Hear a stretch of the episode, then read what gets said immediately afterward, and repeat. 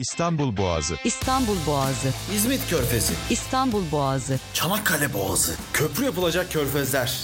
Alt F4 Podcast sunuyor. Birazdan. Selamlar sevgiler sayın dinleyen. İlk bölümle ilgili yorumlarını belirtenlere selam olsun. Çok teşekkürler. Peki bu bölümde muhteşem bir köprüyle karşınızda olacağım desem? Avrupa'nın en büyük birinci, dünyanın en büyük üçüncü köprüsünü yapıyoruz. Hem de inşaatında şu ana kadar sınırdan koşarak geçen Afgan mülteciler çalışacak ülkemizdeki işsizlik sorununu daha da arttıracak bir köprü.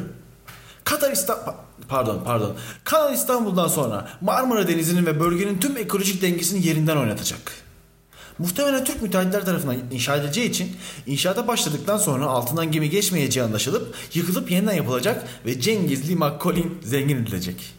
Evet bu bölümde Marmara Köprüsü'nü yapıyoruz. Güzergahı tam olarak şöyle. Hemen haritayı açıp gözleri takip edebilirsiniz. Şimdi bandırmayız arama çubuğuna. Türk Telekom mu kullanıyorsun kardeşim? Hala açılmadı bandırma.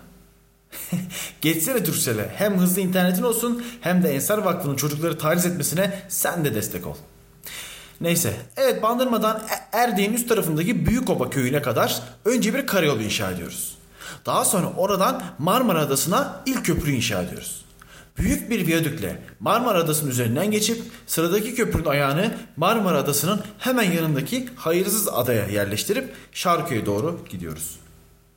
Bu muhteşem köprü ile İstanbul Avrupa yakasında yaşayan vatandaşlar için İstanbul trafiğine takılmadan Ege ve Akdeniz'e tatile gidebilme imkanı sunuyorum. Marmara'nın en büyük adası olan Marmara Adası'nı sömürmekte olan maden şirketleri kamyonlarını karayolları ile daha ucuz bir şekilde karaya getirebilecekler. Avşa Adası gibi emeklerin rakı balık yapmayı çok sevdiği bir adada adamlar da ne köprü yapmış be diyen bir amca ile ayol benim paramla yapıyorlar neyle yapıyorlar diyen CHP gençlik kolları bir teyze Marmara Köprüsü eşliğinde rakılarını yudumlayabilecekler.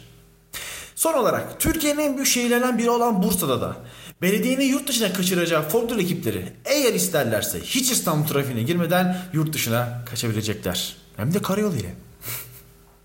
Otoyol ve köprülerle birlikte 83 kilometre sürecek bu devasa proje Marmara Denizi'ni 3. defa birbirine bağlayacak. Buraya köprü yapıldığını duyan HDP, İmralı'ya görüşme yapmaya gitmek için de benden köprü isteyecekti muhtemelen ama avuçlarını yaladılar.